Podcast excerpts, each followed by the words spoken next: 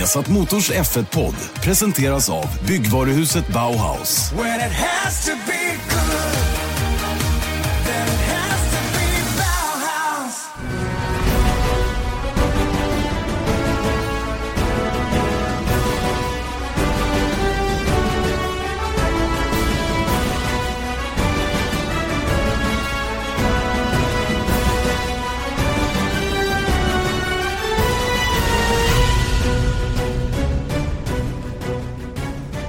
Buongiorno! Mycket välkomna till eh, senaste avsnittet av Formel 1-podden. Vi har satt Motors Formel 1-podd, Erik Stenborg, Janne Blomqvist. Buongiorno säger jag eftersom det är dagarna efter Italiens Grand Prix och man sitter och, och landar lite grann i det här racet som inte alls blev vad jag trodde det skulle bli innan. Eh, jag tror inte någon annan heller hade förväntat sig att det skulle bli den här fartfesten på det sättet och så mycket omkastningar i racet. Vad säger du själv? Det var redan i studion innan racet så konstaterade du och Björn att det här inte kommer bli så kul. Ja, I, faktiskt. I praktiken. Men, ja, vi vi men, sa det eh, kanske inte rakt ut, men det var, det var ju det som var farhåga i alla fall från min sida. Att det skulle bli mycket körning efter varandra. Det var det som var signalerna från förarna. Men eh, det blev ju något helt annat faktiskt. Mm. Nej, men eh, var det här säsongens bästa race kanske? Ja, sett till att det även eh, rent eh, viktighetsmässigt blev ett av de kanske mer avgörande loppen också. Lägger du till det till allt som hände på banan så, så får jag nog lov att säga det. Att det här var, det, här var, det var definitivt topp tre av Italiens Grand Prix som jag har sett genom alla åren. Och det är rätt många nu faktiskt. Så, så att, eh, på det viset så var det oerhört bra. Eh, och jag håller nog med dig. Det, var kanske, det kanske var det bästa hittills i år.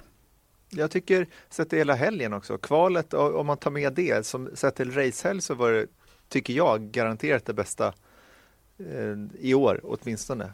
Just för kvalet var magiskt och eh, racet var det absolut också. Det blev så oväntat bara att man, när man drog iväg och liksom, man tänkte att det skulle, när fetten snurrade så tänkte jag så här, "Nej, men nu är det över. Nu, nu blir det ingenting liksom. Men sen så, det tog ju bara några varv innan man insåg att den här Lewis Hamilton kommer inte lägga ner den här fighten. Verkligen inte va, och det var ju precis raka motsatsen. Men ska vi ta det i kronologisk ordning kanske? Ska vi börja med, vi kan ju faktiskt börja redan med träningen och den här öppna DRSen för Marcus Eriksson då som blev rätt avgörande för Saubers helg. Det, lilla, det lilla missödet gjorde ju att de aldrig var med den här helgen överhuvudtaget. Visst, då, Leclerc var 12 i mål, men hade lika gärna kunnat vara 15. Det var små marginaler, det var någon undercut som, som lyckades och så vidare. Va? För Marcus Erikssons del så fanns inte heller pacen eh, efter incidenten då redan på första varvet med Brandon Hartley. Så det kan vi lämna åt sidan. Va? Men, men den här öppna vingen, det är ju lite intressant ändå att det där att, att det kan inträffa till att börja med med en så viktig sak och det kunde ju ha fått enorma konsekvenser för, eh, för, för eh, förarna i teamet. Oh ja, och framförallt Marcus Eriksson, att just den där grejen att det var ju tur att kraschen skedde på det sättet det gjorde och att det inte finns någon vägg där. För att jag menar, tänk om det hade varit i Australien eller någonting. Och visst, det hade inte gått lika fort, men senaste gången man såg en bil rulla var väl Alonsos McLaren där i första Tror- racet förra året. Var det, va? Exakt, exakt. Eh, och då gick det inte så bra för honom heller. Han fick ju hjärnskakning och fick stå över racet därpå. 2016 var det Mm, förresten. jag tror det. Kommer jag ihåg. Mm, ja, Ja. just det, just det, stämmer. Hur som helst, så, men just att sättet energin liksom tog slut. Det, tog aldrig stopp. Helt det, ebb, det det var det ut. som räddade. Ja. Det var Och- det som räddade honom till slut. Visst, visst var det så. Och det gjorde ju då att, att Sauber fick modifiera sina bakvingar en aning då. Eh, Det, det antyddes till mig att bilen kanske är lite mer draggy än, än, än vad de har trott innan då. För de hade ju verkligen tagit av allt annat som gick att ta av. Men för mig, för mig så tror jag bara att man inte ville erkänna att den här vingen ha- hade fallerat på det sättet. Och att man var tvungna att vara lite konservativa med hur, hur den skulle ställas in. För att inte att den skulle liksom av lufttrycket flyga över stoppen. För det var ju det som hände. Den går över en liten stopp. En, en DRS-vinge funkar ju så att man, man med hjälp av ett tryck på ratten då, eh, aktiverar hydraulik som öppnar vingen. Det är ju ett fruktansvärt tryck mot den så det krävs ju att den här, pong, den ska ju liksom ta i ordentligt för att, och, sen, och sen hålla öppet. För sen när du släpper på det här trycket då ska vingen slutas med hjälp av luft, luften. Eh, problemet den här gången var ju alltså att den gick över sin egen axel lite grann och över stoppen för hur mycket den kan öppna. Och då, då eh, gör ju luften motsatt, eh, motsatt effekt så att säga. Den håller ju vingen kvar öppen. Mm. Och det var precis det som inträffade. Mm. Och det säger någonting om trycket på vingen också. Exakt. Just att den orkar inte stänga. Nej. Men så fort farten mattades av Mm. lite, för man ser ju liksom precis när han har börjat snurra, då fälls Ja, den ner. Exakt. Och det är ju att den tappar lufttrycket såklart. Så. Exakt. Exakt så. Så att, äh, det var en allvarlig incident helt klart och det var ju uppenbart att det var på båda bilarna och när även Dan, eller Nico Hülkenberg hade likadant bekymmer hos Renault så förstår man att det här, är- man har det där gapet är verkligen på gränsen här. och det är, det- jag menar titta hur kvalet blev. Var de 10-12 bilar på samma tiondel i Q1 där, det är ju helt stört vad jämnt det var och då har man en sån där liten defekt va, då åker man ut i Q1, så enkelt är det och det var ju det som i alla fall Sauber råkade ut för. Mm. Men det var inte så att, för jag fick lite uppfattningen av det att de bytte tillbaka, alltså de hade ju en Monza-vinge. Mm, men det var samma som jag uppfattar i alla fall. Jag ska inte svära på det, men jag tror bara att man, att man modifierade ner den lite grann. Alltså man, man gick inte lika aggressivt med den som man hade tänkt från början. Mm. Men du, det var FB3 och sen så gick det inte speciellt bra för Sauber, men sen så var det några andra i mittfältet. Om vi tar eh, toppfighten lite senare, men vi har Kevin Magnusson och Fernando Alonso Just som det. raceade lite, vilket jag tyckte var rätt så här. ah, Det är jag älskar tjurskallar och de där två är de kanske de största tjurskallarna av alla. Ni fattar 20. hur mycket Erik tycker om mig va? Ja, fast jag gillar inte att ha dem så nära. Nej, jag fattar, jag fattar. Nej, men jag håller med dig. Fortsätt. Nej, men just jag pratar såklart om incidenten i kvalet. Eh, båda på väg ut på sina sista försök, försök i Q2 är det va? Eh, Q2 Eller ja. Q- För, nej, ja. Q2 är det. För att gå vidare till Q3. Det var ju det som Ja. var ambitionen där. Precis. Och det var kort om tid kvar. Så det fanns bara ett varv kvar att göra. Ett Mm. enda försök. Mm. Och då har det släppts då ombordbilder på det här. Jag vet inte om de är offentliga, men vi har fått dem från den här um, vår Formel 1-portal och då ser man eh, både fram och tillbaka från båda bilarna och allting börjar liksom borta i Ascar-chikanen. Eh, båda ligger och värmer däck och sen så då ligger Alonso framför Magnusen och när Alonso liksom saktar in för vad jag tror linea upp sitt varv eh, in i parabolika, då dyker Magnusson på insidan och drar förbi. Då sätter Alonso fart, slipstreamar honom och på något sätt ska försöka liksom ta sig om in i första kurvan. Och det här är ju liksom Dessutom ser man Magnusen blockar, han lägger sig på insidan. Vilket då redan där är allting förstört. Exakt. Det, du, du, allt det här, eh, båda deras snabba varv i slutet på Q2, de, de dog med, eh, samtidigt som de inte var överens redan ut ur Ascari-chikanen om vad som skulle ske. För att, för att eh, som Magnusson då dyka på insidan om Alonso in i parabolika gör ju att han får långt ifrån en optimal utgång. Det innebär ju då att han tappar viktiga kilometer i timmen på raksträckan. Att Alonso går på gas där, han, det var ju sista momentet. Han kunde ju inte vänta länge innan han klev på gas för sitt varv. Eh, och då kommer de ju i stort sett eh, samtidigt ut på start och mål. Det är, är det någon halv billängd mellan dem och så, så får ju då naturligtvis Alonso bättre fart än vad Magnusson får. Och försöker då, eller ja, han är ju osäker, eller osäker tror jag inte han är, men alltså, vem ska göra vad här? Vem ska, vem ska strunta i sitt varv? Båda insåg att det här var ju, eh, det var ju eh, inte så bra för någon av dem. Men, men någon hade ju kunnat ge vika och den andra hade kunnat fortsätta. Mm. Och, och det var ju det här som blev pannkaka. De, de, tyckte, de var ju sura på varann redan in i parabolika och det där följde med ända in i första sväng. Mm. Men det var väldigt kul tycker jag, bara sett till reaktionerna efteråt att eh, Magnusen då bara säger eh, att, tror han att jag ska liksom skita i mitt varv? Och det är det här som kanske kommer till kritan, apropå det du säger. Om jag ska skita i mitt, over my dead body säger han i stort sett. Det kommer aldrig att ske att jag, att jag ger upp för Alonso. Och Alonso skulle aldrig liksom lägga ner heller för Magnusen. Så det är två stycken ganska starka viljor. Men det som jag tycker är lite signifikativt här, vilket jag i alla fall fick en tankeställare runt, är att Magnusen är arg. Alonso skrattar Mm. f- åt hela liksom det blev ju fel, man kan ju skylla på båda, det blev ingen bestraffning så att jag menar båda var ju vållande så att säga.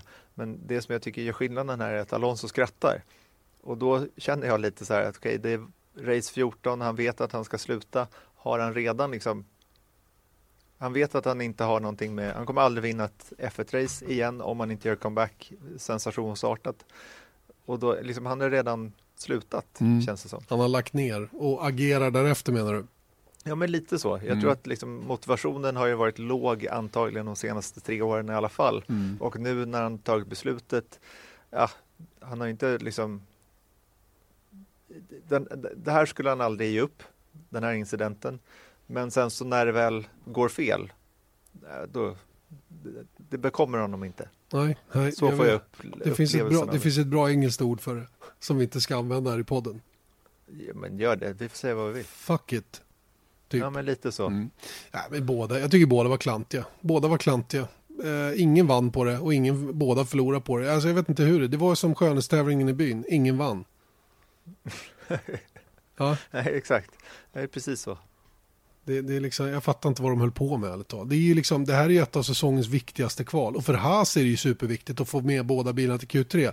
De har ju en frenetisk fight med Renault om fjärdeplatsen i VM. Nu vart de i alla fall strukna i och för sig i efterhand. Eh, dock drabbade inte det Magnusen som var så långt efter ändå. Men, men eh, jag fattar inte. Jag fattar inte. Man kan inte låta sig, man måste, det måste man planera bättre, även bakom ratten. Än, än vad båda de här gubbarna gjorde. Så jag säger inte att den ena eller den andra, det är ju var klumpigt av de båda två faktiskt. Nej, men vadå? Magnusen hade bara liksom kunnat lyfta av in, innan parabolika och Ja. låta och ge de där tre sekunderna. Kanske få en slipstream ut på start och mål nästa varv istället Exakt, exakt. kvalas bättre. Och då kommer du in på någon viktig detalj här, nämligen slipstreaming och Monza. För att ehm, eh, det var ju faktiskt det som avgjorde lite grann eh, när vi kom till toppfighten i kvalet också, kampen om pole position. Där eh, toppgubbarna rullade ut då i ordningen Bottas, Hamilton, Vettel, Kimi Räikkönen. Eh, med ett lämpligt avstånd till varandra runt hela varvet. Jag förhörde mig lite grann om vilket avstånd som är det optimala och det ligger någonstans mellan 3 och 4 sekunder, men närmare 3 än 4.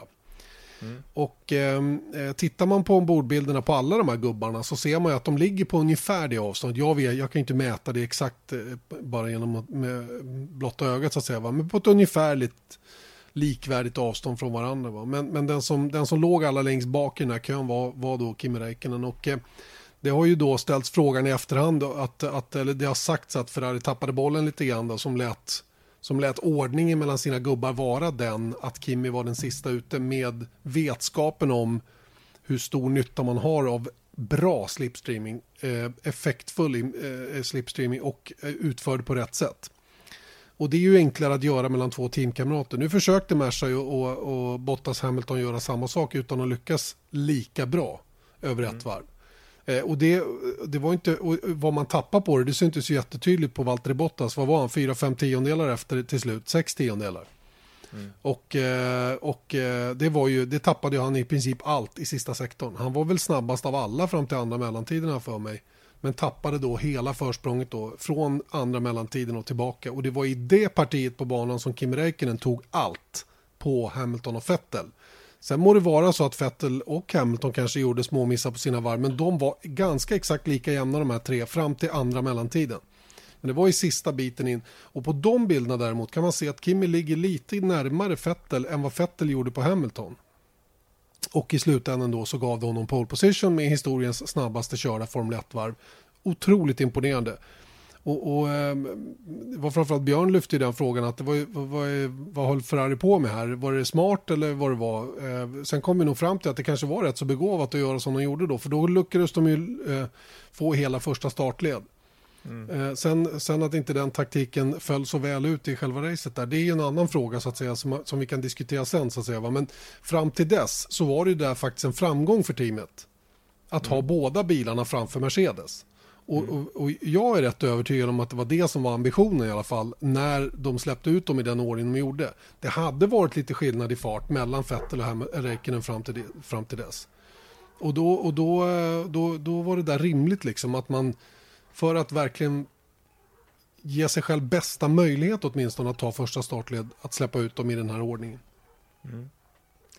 I, I hear you. Uh, jag vill poängtera att jag har inte, jag har inte liksom uh, jag har inte bestämt mig åt vilket håll, om det var smart eller osmart. Alltså, jag har hört eh, indikationer på, eller vissa spekulerat i åtminstone, att det här var liksom en eh, typiskt lite röriga Ferrari. Att de inte gjorde så att Vettel fick att det blev tvärtom toe. Så att eh, Vettel fick hjälp att ta den där pole position. Eh, jag, vem vet, jag tror liksom Vettel sa inte heller vad han menade med det radiomeddelandet som kom direkt efter kvalet. Han säger så här, we speak after. Mm. Han vill inte ta det över radion. Och han var ju såklart besviken över att inte stå i pole position, för det ville han ju såklart. Tror jag. Ja, visst, men radiomeddelandet som vi hörde, det kom ju eh, i samband med att de visste vem som hade tagit pole. Ja, och, exakt. Och grej, det men det är så, det jag menar, jo, att han var, inte, han var inte nöjd. Nej, fast han jublade, att... det jublades ju först. Och sen så, we speak after. Så min tolkning av det hela var ju att de var rätt nöjda med att Kim hade gjort jobbet.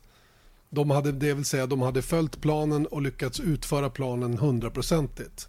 Och sen för att inte det skulle surras mera på radion om just den planen så sa vi pratar om det sen.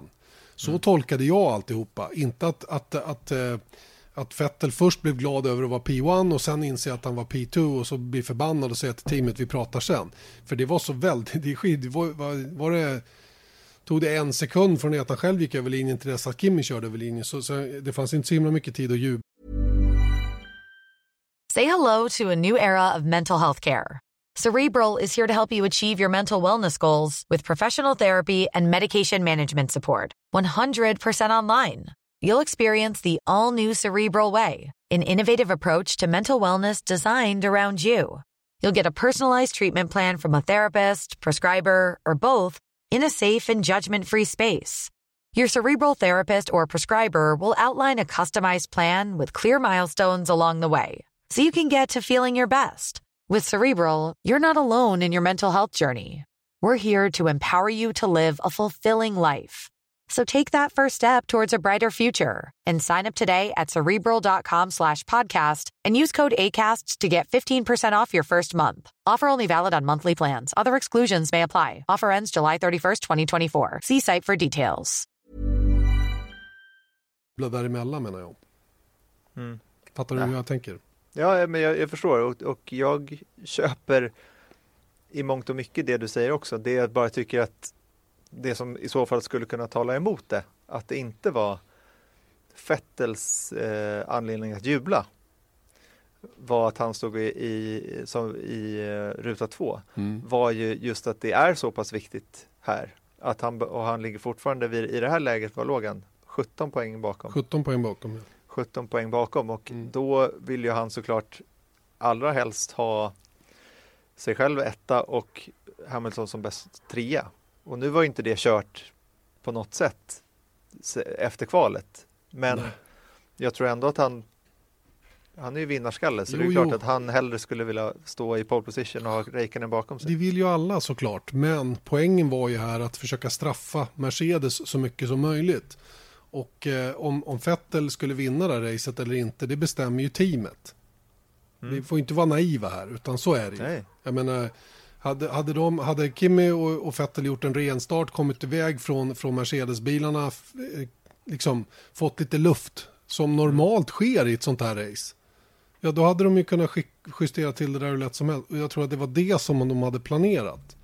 Men det sprack ju. Kanske redan mm. in i första sväng direkt efter start.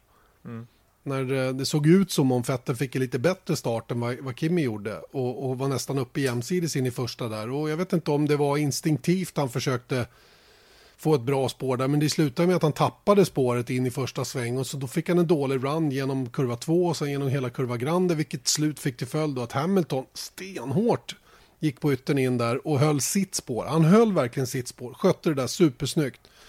Vettel blev tvingad att bromsa för sent och till slut så vände han runt. Och mm. Eh, hans race var mer eller mindre kört då när det gällde segern.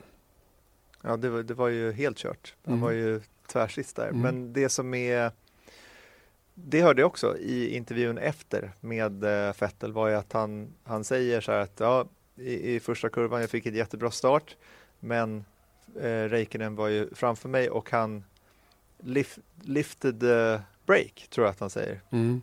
Så att han säger att Räikkönen gjorde liksom han gjorde allt för att hålla Vettel framför sig.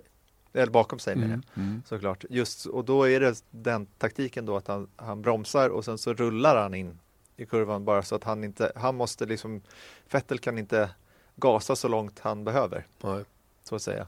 Så att, eh, jag vet inte, jag, jag, jag, säger bara så här, jag köper det du säger. Enda brasklappen är att det är ju high stakes att göra den här grejen och det är Vettel som kan vinna VM. Eh, att Reiken ska göra är fullkomligt osannolikt i det här läget och då känns det som att man vill absolut ha Vettel där. Ja, ja Så, ingen och tvekan. jag tror att han absolut ville vara där. Ingen tvekan. För, och ingen med, tvekan. speciellt med tanke på hur det gick.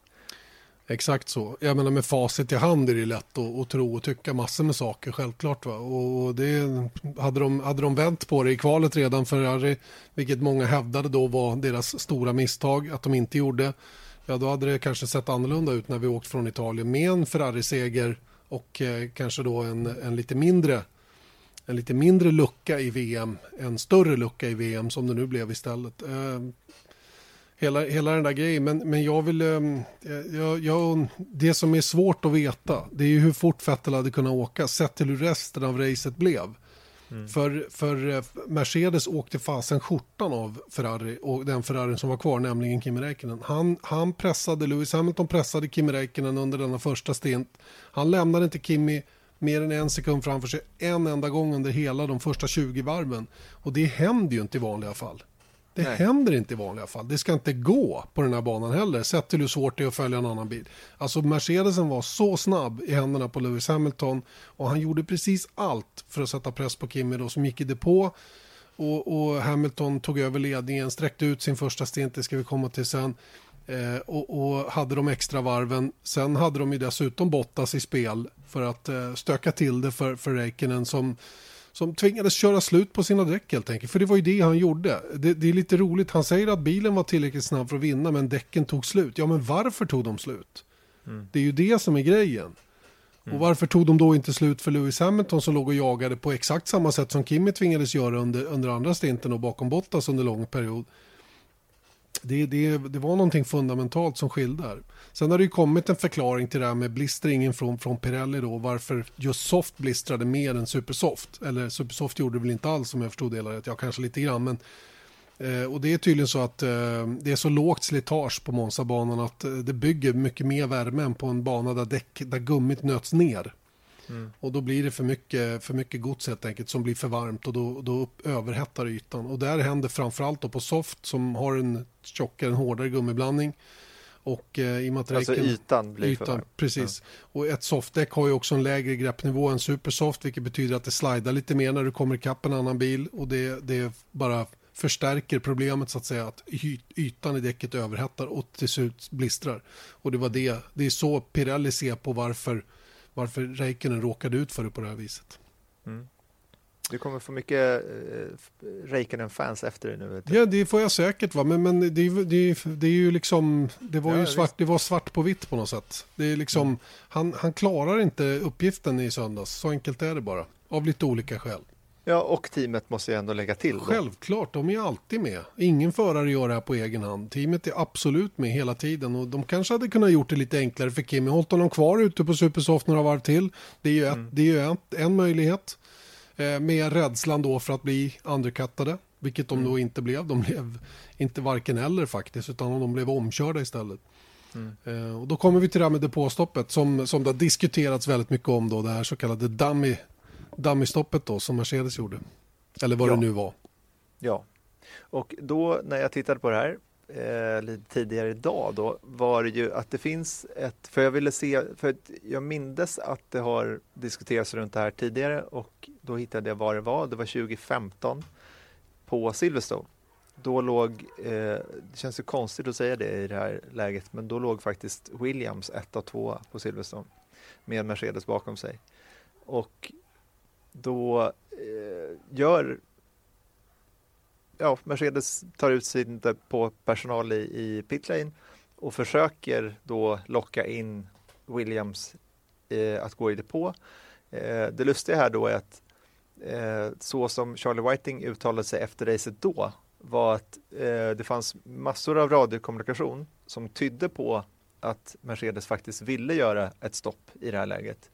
Men sättet det kom fram var i intervjuerna efter racet när Toto Wolf berättar öppenhjärtligt då att eh, ja, vi försökte oss faktiskt på en liten dummy eller phantom pitstop i det läget. Och jag fick faktiskt ett sms från Susie Wolf, alltså dåvarande tredjeföraren i, i Williams som han då är gift med.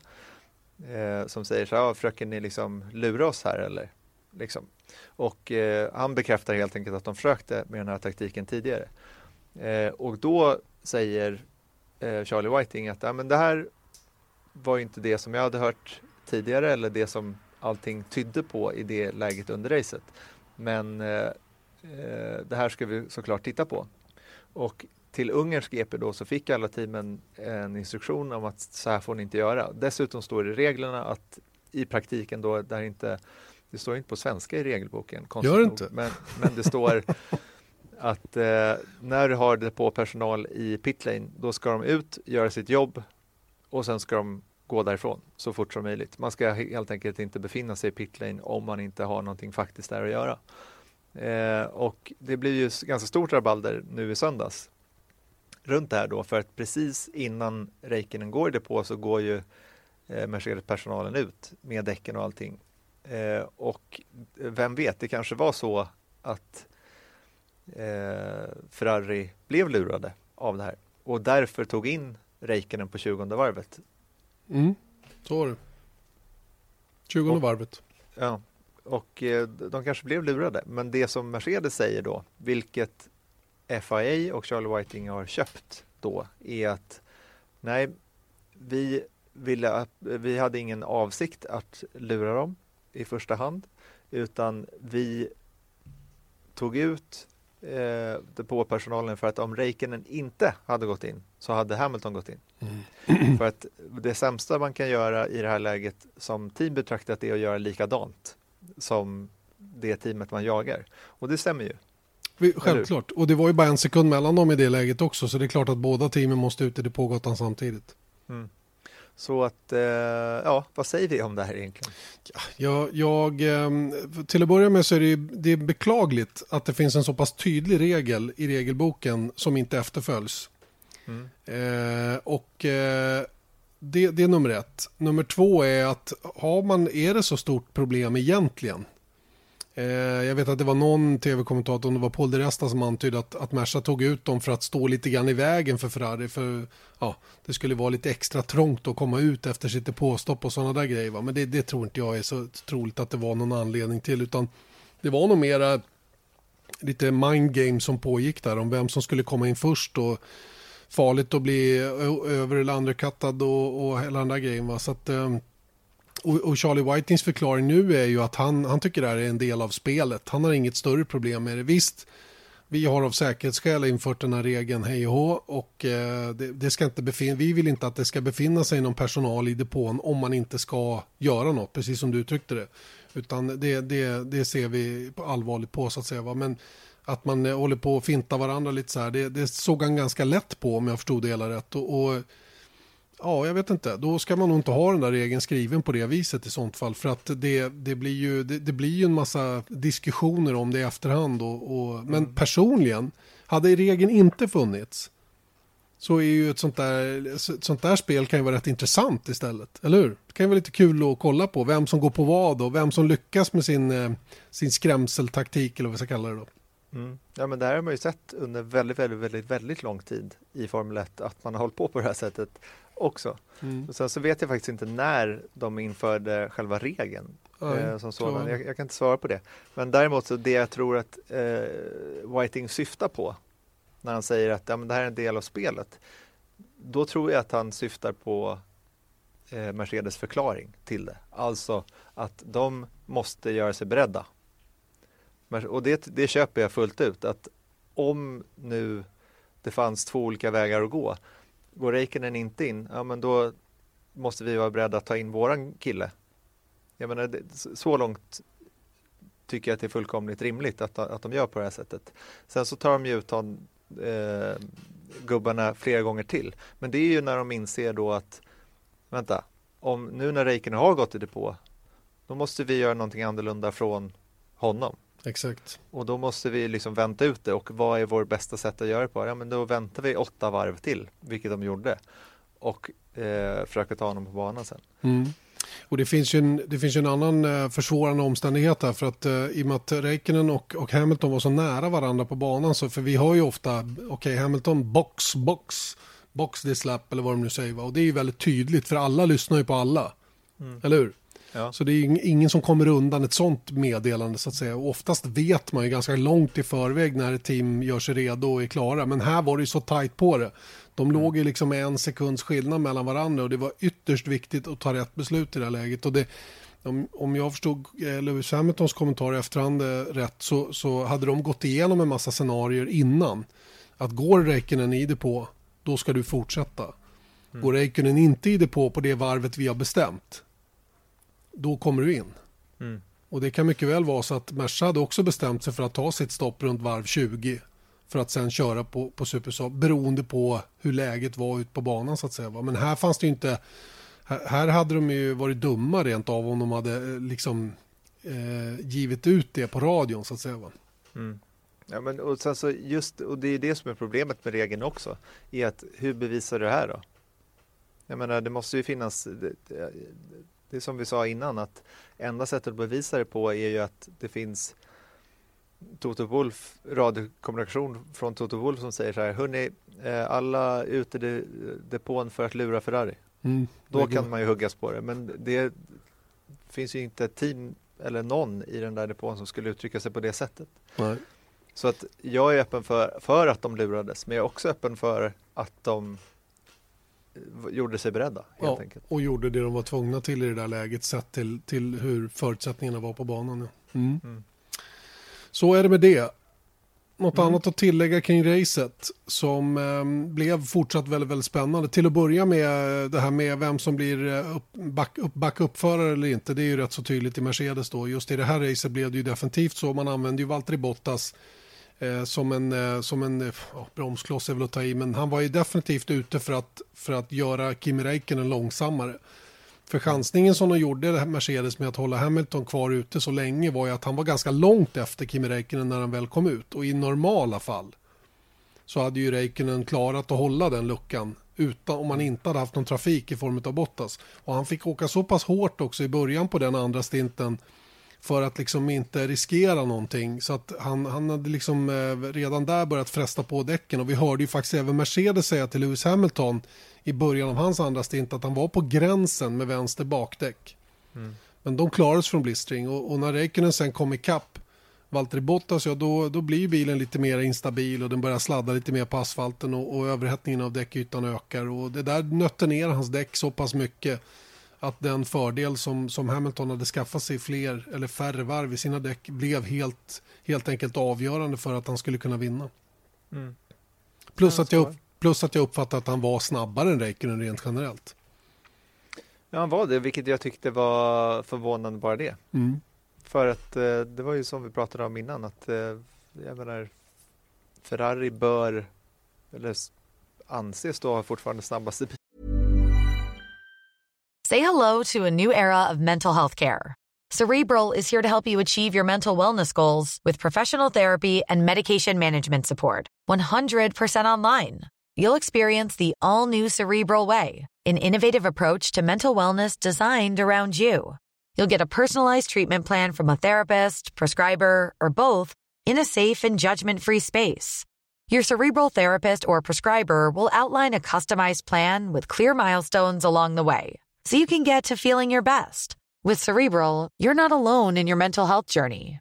We're here to empower you to live a fulfilling life. So take that first step towards a brighter future and sign up today at cerebral.com slash podcast and use code ACasts to get 15% off your first month. Offer only valid on monthly plans. Other exclusions may apply. Offer ends July 31st, 2024. See site for details.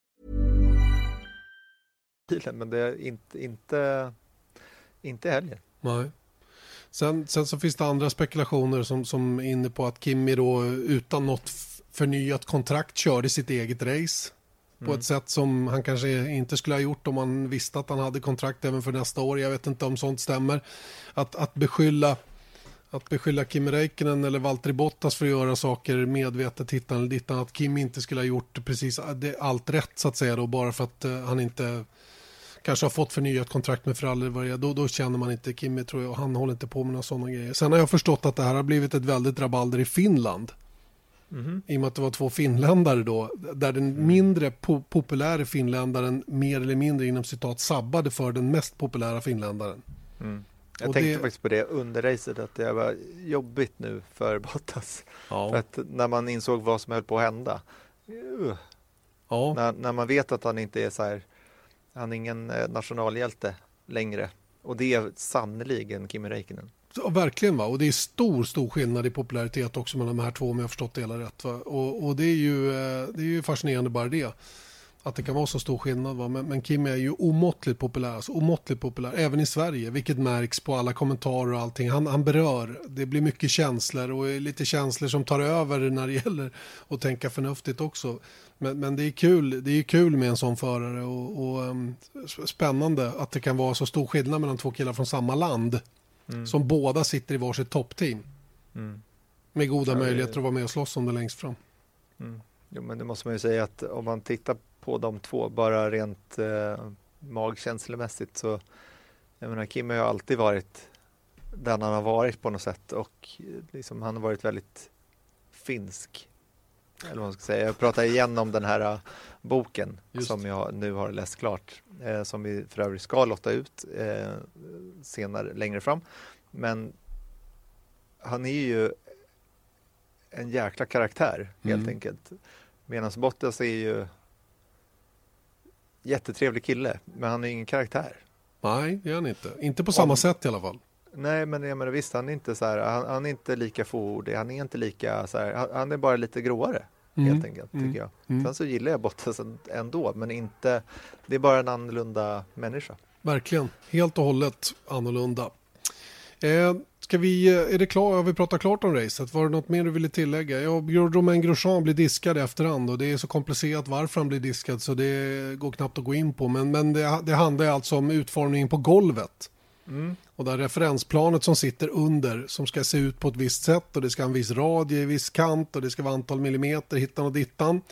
Och, eh, och eh, de tog fram ett golv om jag förstod det hela rätt till Kanadas Grand Prix som då eh, inte blev helt hundra godkänt och sen skickades det ut ett tekniskt, nytt tekniskt direktiv till samtliga team att korrigera eh, sina golv så att det överensstämde med det här, eh, den här, det här förtydligandet som hade gjort då, kring just den här delen på golvet.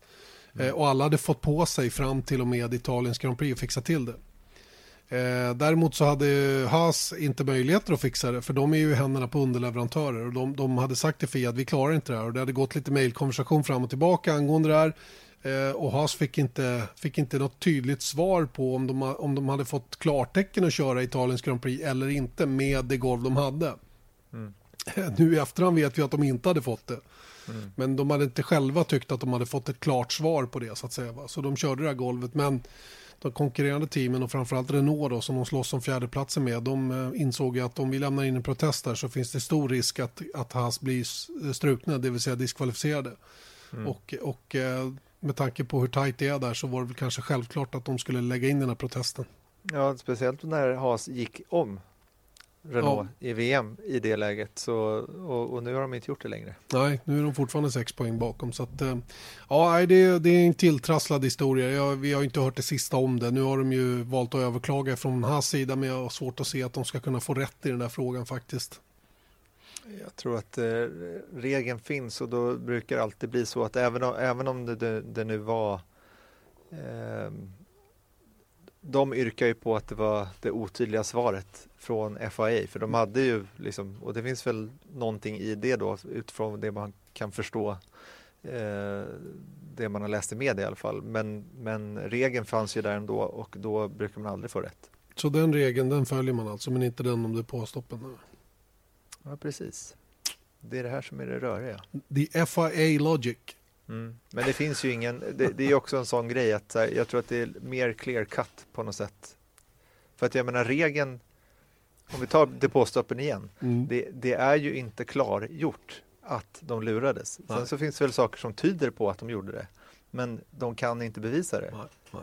Och det är det som är problemet. Visst, visst. Jag skojar lite bara. Ja. För att jag vet att det är struligt. Och det kan vara ibland svårt att förstå hur de tänker i de olika situationerna. Mm.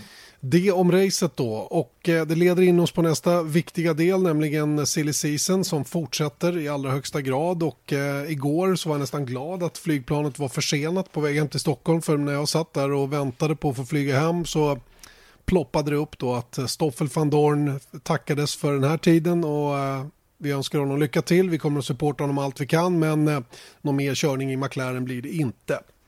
Ha, och skrev man lite om det och sen så pang bom så gick det fem minuter så kom då det nya beskedet. Vi är glada att kunna meddela att Lando Norris kommer att köra för McLaren 2019 tillsammans då med Carlos Sainz.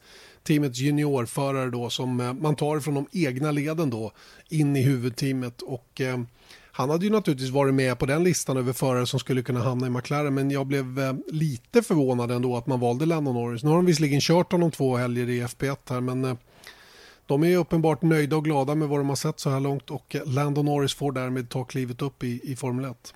Mm. Just nu tvåa i Formel 2. Just det, och han gjorde definitivt ingen av sina bättre helger tycker jag på Monza. Han, eh, han såg blek ut i race-situationer och var inte alls, stängde inte dörren där man borde stänga dörren och liksom, jag vet inte. Sen, sen eh, är det nog svårt tror jag att hoppa mellan Formel 1-bil och Formel 2-bil sådär mitt under pågående helg. Men, men, eh, och sen har det säkert varit en massa annat i huvudet på honom också. Han visste ju förmodligen redan under helgen här att han var klar. Mm. Skulle jag kunna tänka ja. mig. Och Zac eh. Brown har sagt det, eh, inte att han var klar just då, men han säger att det, det, inte, det har förmodligen inte hjälpt honom att han eh, har kört våra fredagsträningar. Nej. Och eh. det tror jag verkligen kan stämma. Och jag tror att det, det, det sägs ha stått mellan tre förare om den här platsen, då, mellan Lando Norris, Sergio Perez och faktiskt Kim Räikkönen. Mm. Och det är lite ingen spännande. Ocon. Ingen Ocon. Ingen, ingen eh, van Dorn. Nej, jag tror att Ocon har en väldigt, väldigt försvårande omständighet, nämligen att han tillhör Mercedes. Mm. Och eh, jag tror inte Mercedes är så sugna på att köra honom i McLaren Renault. Eh, och, och, det här har ju även Toto Wolf bekräftat lite grann då med anledning av att han nu börjar gnälla lite grann över att det är, är det någon idé att ha det här juniorprogrammet när det är så svårt att hitta platser på griden. För att folk är så rädda för att en förare då är stigmatiserad till Mercedes och att köra honom då i ett annat märke det blir mer eller mindre omöjligt. Mm. Jag tycker och, att det är en helt, annan, helt, helt annat problem där. Än, än det han säger att eh, varför ska så att det är synd om Mercedes att de, har, att de inte får igenom sina juniorprogram. Jag tycker problemet är något helt annat. Det är nämligen att, att eh, man använder kundteam som sin egna juniorteam. Ja, visst, visst, eh, visst är det så. Och problemet är väl också, Erik, är det inte det att jag menar när, när, eh, när Mercedes har eh, haft i alla fall mer eller mindre tre team mm. och, och Ferrari har tre team, ja då har de, då har de 12 platser till sitt mm. förfogande mm. så att säga. Tror man ju då på pappret. Nu är det ju inte riktigt så i verkligheten va? men de har åtminstone en plats som de har stor möjlighet att få i alla fall i respektive av de här teamen som inte är deras egna huvudteam. Mm. Det gör ju att de, de, de, får för stor påverkan och de rotar runt och de, de knyter upp förare som då tillhör dem. Men, men det här har ju vi pratat om flera gånger tidigare. Att, eh, hur bra eller dåligt är det egentligen att tillhöra ett juniorprogram? Va, va, för, för, är man fri och obunden då har man ju i vissa fall, om man har åtminstone ekonomin bakom sig, lite större valmöjlighet. Man, är, man är, kan i vissa fall åtminstone bli mer intressant då. Men samtidigt är det ju en jättefördel att vara med i Mercedes. Självklart. Jag menar, ja, om, men det, om... det kanske är enda eh, möjligheten att komma så långt. Ja, så är det ju sannolikt. Va? Så att, eh, det är lite av och på. Det, det är ju som, någon, det är som många har sagt nu då, när det är så att vi faktiskt står inför det faktum att både Esteban Ocon och Stoffel van Dorn då, båda rätt så hyfsat högt ansedda förare, kanske inte finns på griden nästa år. Mm. Av den här anledningen. Och då menar man på att eh, ja, men det är ju konstigt att pengar går före talang. Men, men det går inte riktigt, det, att, se, det går inte nej, riktigt det att se det på det viset. Det är precis tvärtom. Ja, precis. Ja, ja men det, och det är det här som blir lite knäppt. För då är det så här, men det är klart att jag tycker absolut att Esteban Ocon förtjänar att vara på griden.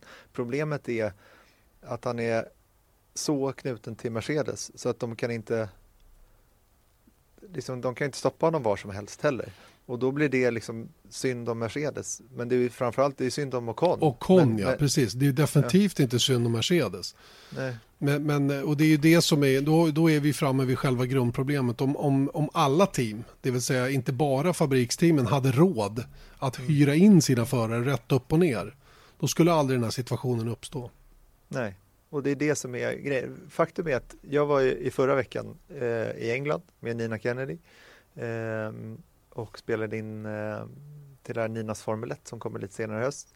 Då träffade vi bland annat Claire Williams och hon, det var ju väldigt intressant att sitta ner och prata med henne runt den här, hur hon ser på problematiken med eh, partner, team och eh, cost caps och allting sånt där. Och, och jag menar, det finns alltid backlashes till det här, men jag blir bara mer och mer och mer och mer övertygad om att en, en cost control, cost cap eller vad det nu kan tänkas kallas, är fullkomligt nödvändigt mm. i Formel 1. För att det, det liksom jag vet knappt vad jag ska börja förklara det, men det är liksom när de har, eh, säg att de har en miljard i budget och sen så har de Mercedes på kanske tre och en halv miljard om det räcker. Och dessutom då man ska konstruera sina egna bilar. Okej. Okay. Och sen så är reglementet så komplicerat och dyrbart att utveckla till, vilket gör att helt plötsligt så har, har ett team som Williams inte råd längre att konstruera sina egna bilar, vilket gör att då ligger de ännu mer i händerna på Mercedes för att knyta ett avtal likt Haas. Haas har gjort det smart för de satte hela sin eh, existens med de premisserna. Så de liksom köpte inget mer, de anställde inga fler än vad de behöver. Medan för Williams som går efter liksom konstruktörs-VM så som det är tänkt, att alla, bilar, alla team ska konstruera sina egna bilar, då har de ju liksom byggt upp det genom många, många år. Att man ska kunna konstruera sina egna växellådor, man ska kunna konstruera sina egna hjulupphängningar. Och då helt plötsligt har de inte råd att konstruera det så att de kan tävla med dem längre fram, vilket gör att de måste backa. Förr eller senare, om ingenting sker förrän 2021, om ingenting sker 2021 runt en cost cap, då kommer team som Williams bli fullkomligt tvungna att bli eh, ett partnerteam till Mercedes och då blir Formel 1 DTM. Mm, det blir det. Och det är ingen som önskar det tror jag. Och, eh, och eh, de här stora marknadsavdelningarna som finns då, både Ferrari och Mercedes och delvis Red Bull, de får liksom putta in pengar då i de andra teamen också. Va? Och det är det som, det är det som pågår. Och, ja, jag menar, ja, inte ens... nu, nu senast vill han ha 3D-bil för att han ska kunna köra sina, sina juniorer. Det vet jag inte hur allvarligt det var, men han har ändå uttalat sig om det och mm. då blir det ännu mer. Exakt, så. exakt. Exakt. Ja, det är svårt. Jätte, jättesvår svår situation självklart. Eh, om, vi landar, om vi stannar kvar då vid season så kan vi i alla fall konstatera då att, att Stoffel van Dorn står då utan körning just nu. Eh, vi, vi, har då helt klart i Mercedes, vi har helt klart i Red Bull, vi har helt klart i Renault, vi har helt klart i McLaren. Vi har halvt klart i eh, Ferrari. Mm. Vi har inte klart någonting i Force India. Vi har inte klart någonting i Williams, vi har inte klart någonting i Toro Rosso, vi har inte klart någonting i, eh, i, i Sauber. Mm. Ingenting bekräftat. Så det finns ju fortfarande många platser att spela om så att säga. Va? Men om man får tro det som, eh, det som sägs nu då, så verkar det ju som om eh, det är nära förestående i alla fall att Ferrari bekräftar Charles Leclerc tillsammans med Sebastian Vettel nästa säsong. Mm. Vilket vi har pratat om väldigt, väldigt länge. Men mm. nästintill började tvivla på under en period för att tongångarna lät lite annorlunda. Speciellt efter att Sergio Marchione då, som hade varit stor supporter till Charles Leclerc gick bort, tragiskt. Mm. Eh, men, men frågan är om det där någonsin har varit off track så att säga. Nej, men det, det, är precis det jag skulle säga. För om man kollar på eh, rubriken på autosport.com. Då står det Leclercs Ferrari switch back on. When, what is, when was it off? Mm. Det är mm. liksom, egentligen är ju där och jag menar, vi har pratat om det också som att det vore off och att eh, Kimmy kanske eh, skulle få stanna kvar i alla fall. Men nu när man tänker efter hela förklaringen runt det var att så här, ja men nu, varför det är back on är att man vill honor Marchiones eh, wishes liksom. Men ingen har ju någonsin, vad, vad, jag vet, och jag har försökt leta i det här påståendet, har Ferrari aldrig uttalat sig om att ja, men nu blir det andra bullar för att nu är inte Marchione kvar. Så att jag menar, det kanske inte alls är någonting honor his last wishes utan det är bara så här, ja men det här är beslutat. Och framförallt så, så har ju att tongångarna har svängt är ju bara medieuppgifter.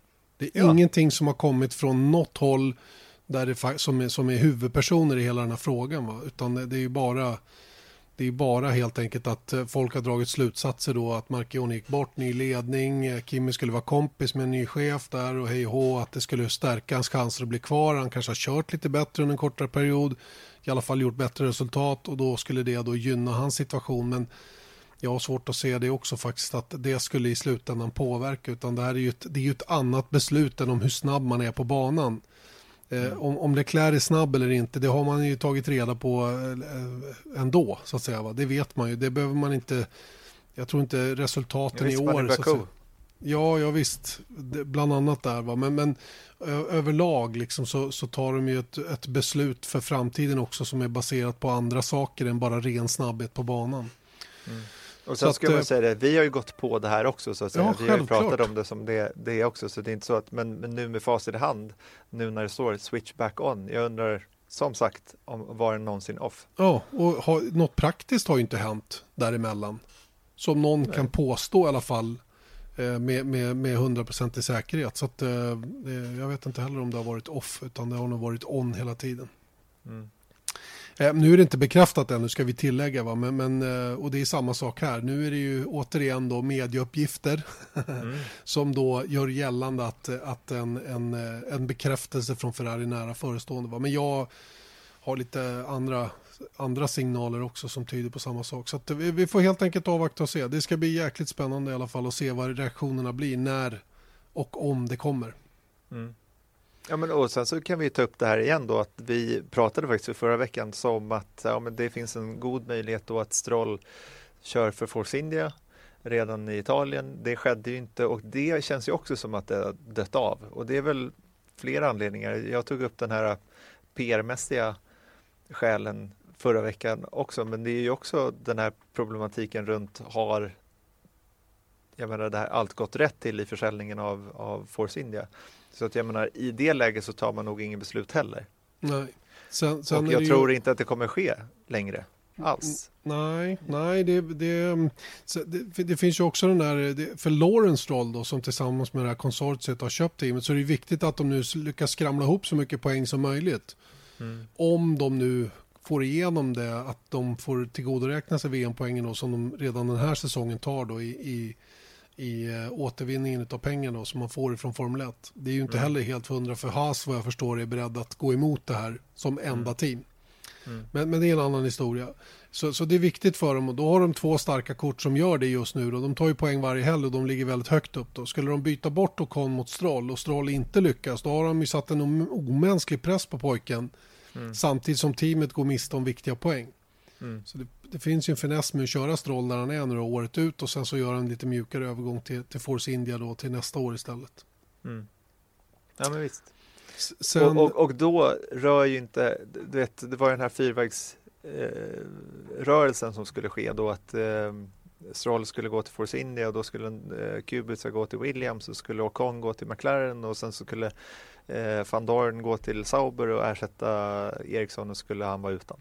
Jag tror bara att den switchen, om den någonsin var på så är den inte på längre, tror Nej, jag. Nej. nej, det tror inte jag heller. Så vi får vänta och se. Det, en annan, ett annat intressant namn då som, som dykt upp är ju, och det är, väl, det är väl väldigt tydligt att det är nära förestående, det är ju Daniel Kviats eh, lite överraskande comeback då i, i Toro Rosso. Mm. Toro Rosso som sitter lite pyrt till, de är förare till nästa år då. Och ehm, i nuläget så lutar det ju mest åt att Brendan Hartley får köra vidare då tillsammans med Daniel Kviat. Men i och med att Stoffel van Dorn nu finns tillgänglig och är så kallad fri, han är ju inte bunden till något märke längre. Han skulle kunna vara en alldeles utmärkt, ett alldeles utmärkt alternativ för Toro Rosso också. Mm. Eh, så att eh, jag vet inte om det finns några sådana såna diskussioner. Det är bara mitt eget tänkande så att säga som, som, som det bygger på. Då. Så vi får se helt enkelt. Ryktena flor- florerar ju där också. Exakt. Så, och, och när det gäller Esteban Ocon så är väl hans chans att köra vidare i Formel 1 det är att de lyckas komma överens då Mercedes och Williams Mm. om platsen bredvid Sergej Sirotkin. Men det är det ju flera andra som vill ha också. Så att, ehm, och då, är, då kan det ju vara så att de om Artem Markelov då som har pratats om kanske erbjuder 100 eller 15 miljoner euro för att komma in och Mercedes kanske lägger någonstans 6-7 miljoner euro. Eh, så, så eh, är det inte alls säkert att Mercedes önskan går igenom så att säga.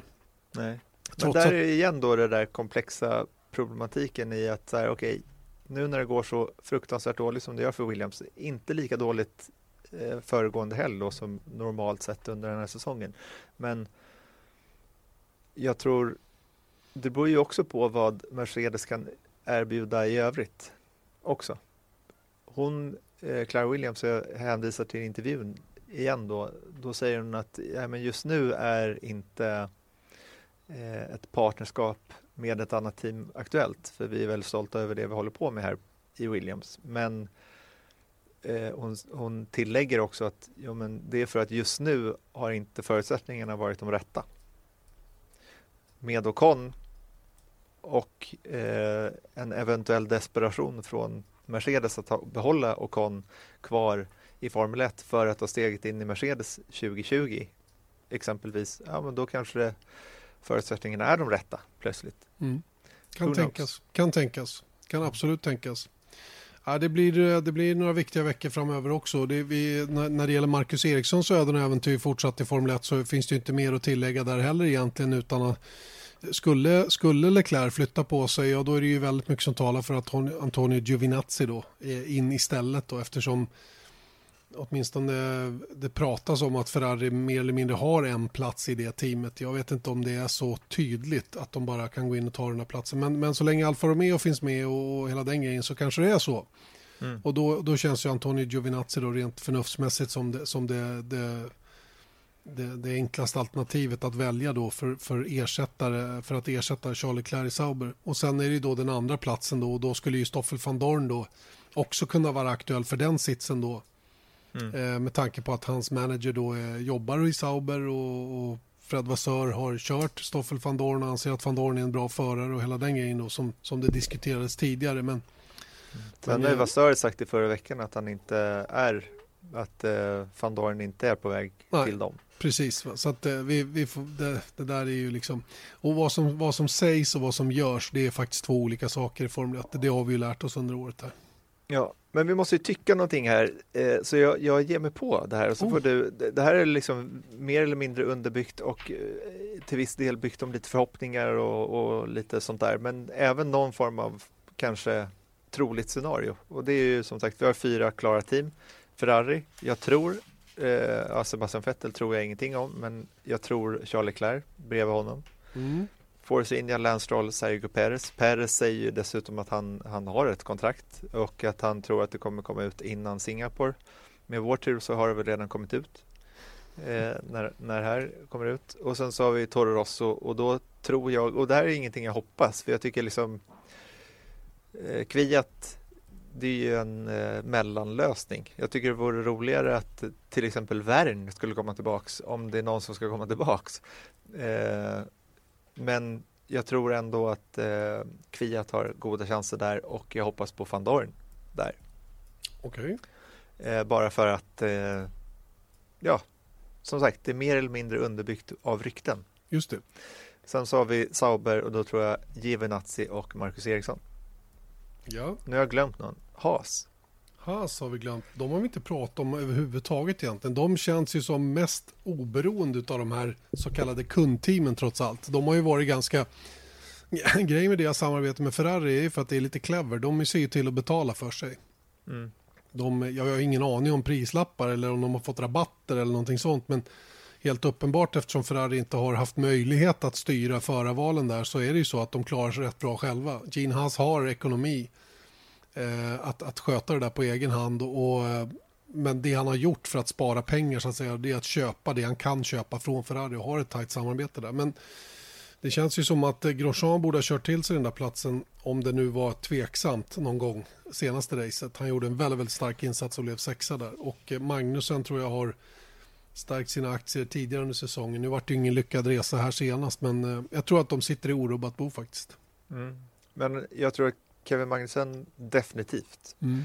Eh, vem skulle kunna vara, förutom Eh, om, man, om Grosjean inte skulle få det.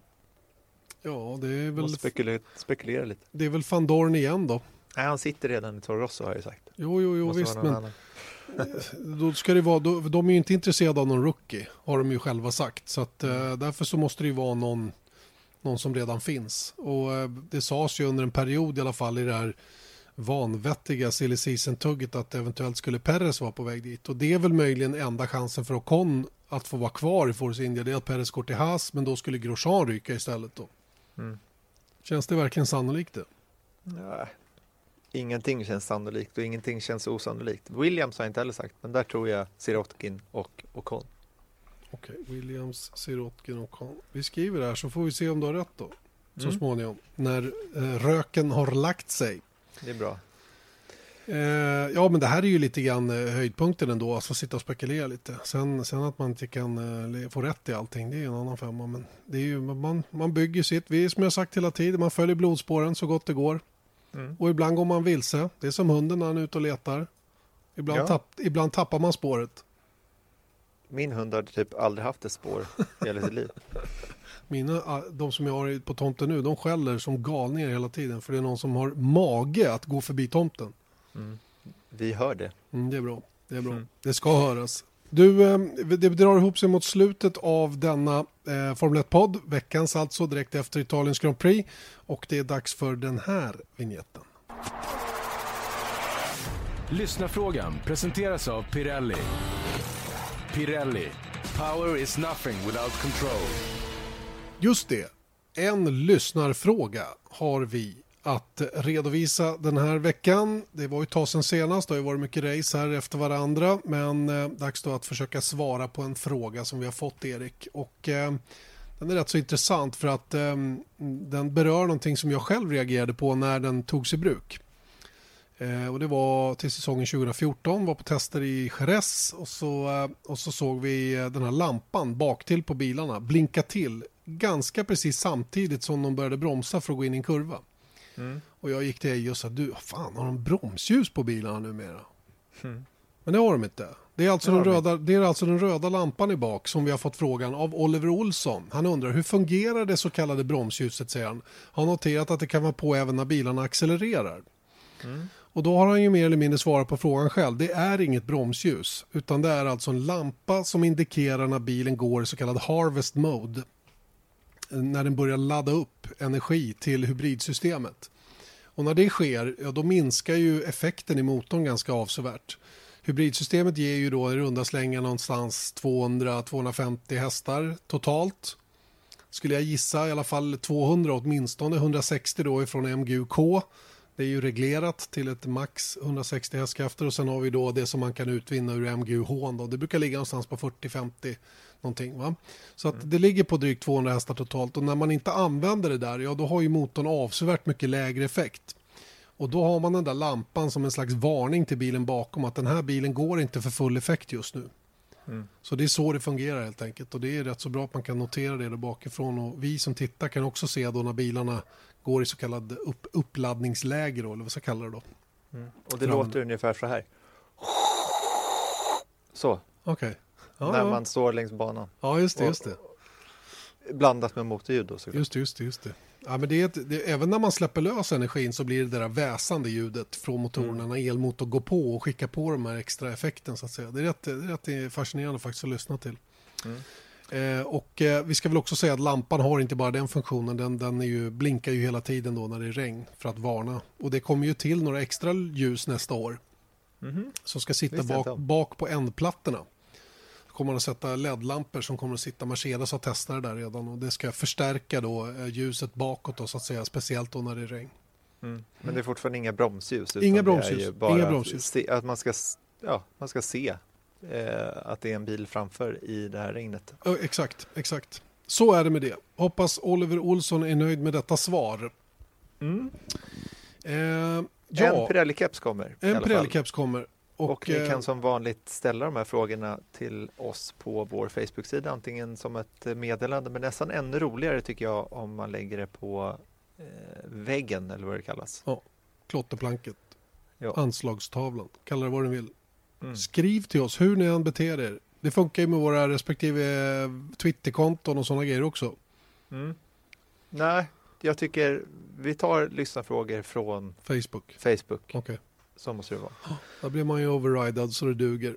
Så är det. Men du, eh, Razer Magazine, det, känns det som en eh, bra källa eller? Det vet jag inte. Jag vet inte ens vad det är. Nej. Det är i alla fall någonting som heter Razer Magazine. Där Mm. det står Leclerc set for Ferrari move this week. This week, ja. ja. Jag blir inte förvånad om det sker den här veckan. Det, är, li- det har lite samma, samma indikationer faktiskt. Mm. Så då, eh, Gärna före nästa tisdag då. mm, men då har vi i alla fall sagt någonting Exakt. om det, tycker jag. Det är väl lite det jag vill komma fram till här. Det är bra. Det är bra.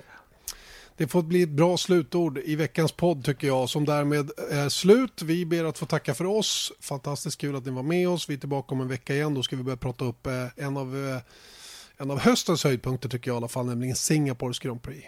I nattmörkret där borta och värmen. Och kanske i regnet, det vet man inte. Första gången regn förra året. Mm, så var det faktiskt. Det Och det massa ju som det gjorde om. också. Ja, det gjorde det faktiskt. Men du, då måste du, du inledde här med Buongiorno. Just det. De- Singalesiska heter det va? Ja, Eller? jag tror det. Det är väl malaysiska, är det inte det? Pratar man inte malaj där? Jag vet att det finns ett språk som heter singalesiska och jag, jag kan inte passa in det på något annat land. Nej, nej. Så vi, vi kör på det. Okej, cool. Du måste, du måste prata på singalesiska. nästa vecka, ja, ja men självklart. Jag tar ju givetvis att ta reda på vad det heter eh, på, på det språket man talar i Singapore. Jag säger så istället. Bra, Underbart. toppen. Vi hörs om en vecka. Det gör vi. Hej då. Hej, hej. Vesat Motors F1-podd presenterades av byggvaruhuset Bauhaus.